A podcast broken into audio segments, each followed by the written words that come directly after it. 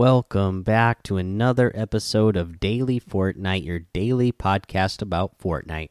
I'm your host, Mikey, aka Mike Daddy, aka Magnificent Mikey. Well, there's not a whole lot of news going on in Fortnite today, so I will remind you that Squatting Dogs app is coming in two days, uh, so that will be November 19th as of this recording. That's two days away. So go, you know, make sure you set some sort of reminder uh, to get that when that comes out because that's something you're definitely going to want. I mean, you're going to have, you know, so many things, you know, in your hand at all times, being able to view the challenges and where to get the challenges done in the palm of your hand. You're going to be able to uh, find out where, you know, if you need a quick reminder of like, oh, where are their chests? Where are the reboot vans? Where are the uh, upgrade stations? It's all it's all going to be right there. So that's going to be something you're going to want. Just just a reminder. I I was reminded of that today on Twitter. So yeah, be on the lookout for that. Speaking of that, since there's no real news, let's just get into a weekly challenge tip, and this is the one. Uh, you know, again, it's just this this weak's challenges are all really simple. So, I mean, just in case you don't know, hit five consecutive week points while harvesting materials. Uh, for me, the easiest ones to do is those big piles of rock because they uh, usually the big piles have more than five hits. So you can just go up to one of those and you know walk up right next to it so your player can't walk any farther, hit it, and that little weak point is going to be there right in front of you. You can just keep swinging five times, and boom, there you go. The challenge is done. Uh, pretty easy. I, really like this week's challenges. Didn't have to grind too hard. The only thing that's holding me back from having all the challenges done is the one with the bazooka bandage. Uh, you know, that's the only challenge I don't have done because I didn't have time that morning to do that challenge before they uh, took the bandage bazooka out of the game because it was causing syncing issues well, what is it? Like, I mean, like two or three weeks later, and they haven't fixed the bandage bazooka yet. Come on, I want to get that challenge done. That's the only thing holding me back from unlocking the scratch outfit as well, because you have to have six missions done, and we only currently have six missions available, and that is the last challenge I have to do in that set in that mission. So come on, Fortnite, let's get this bandage bazooka fixed so I can get this challenge done, or just reward me that challenge. That way, I can get my scratch outfit. All right, let's go ahead and take our break here. Come back. We'll go over that item shop and a tip of the day. All right, now let's go over today's item shop, and it's a good one because you have the Bright Bomber outfit, which I love, the Bright Gunner outfit, which is great, the Rainbow Smash Harvesting Tool, a classic, the Bright Blimp Glider, you have the Funk Ops outfit, which has that selectable style. Uh, the new glasses again reminds you of a Prince style uh, outfit there with those glasses like that. Gotta love that. Uh, the Disco Diva outfit, the Disco Brawl harvesting tool.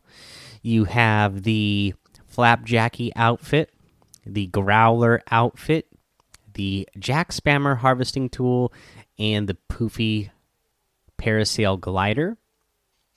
You have the Magma Wrap, which is always a good one. The Street Striker outfit, which I like. The Lock It Up emote. The Brawler outfit, which is great. The Extraterrestrial emote. And the Pizza Party emote as well. You still have that Dark Fire bundle in that item shop, guys. Uh, you can get all these items using code Mike Daddy M M M I K E D A D D Y in the item shop, and it's going to help support the show. Now let's go ahead. Let's get to our tip of the day.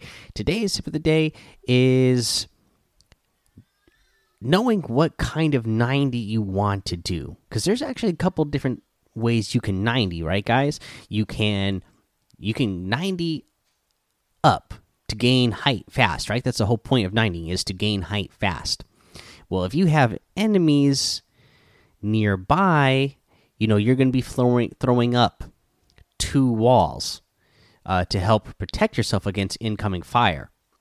Now, here's a situation. Maybe you know that you already have, you know, just a little bit of height advantage, a way that you can 90 up, getting faster. Well, you already know the other way. It's just not to put up two walls. So, to get up there even faster, wasting less mats to make sure that you control that height, like we talked about, you want to keep control of that height, uh, is you know, 90ing up without placing that second wall, you know, that's a way that you're going to get up there even faster because you're not worrying about placing that other wall.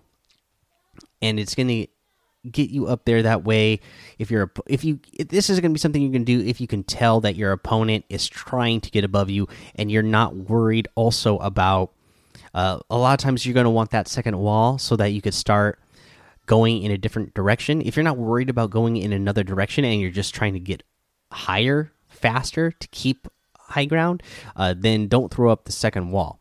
When you get to the very top, you know, once you throw 390s, because uh, that's where your fatigue is going to set in, you're not going to be able to jump anymore. Uh, once you throw up 390s and you get there, then you can start placing the other walls around you so that you can, if you really want to go out you know whatever direction you can change directions from there. But uh, you know if if you could tell your opponent's just trying to gain height over you and you're trying to keep that height throw up that 90 quick by don't worry about not worrying about the second wall in that 90 all right. That is your tip for today. Head over to the daily fortnite discord uh, you know, hang out with us over there. We're having a good time. You can follow me over on Twitch and YouTube. That's Mike Daddy in both of those places.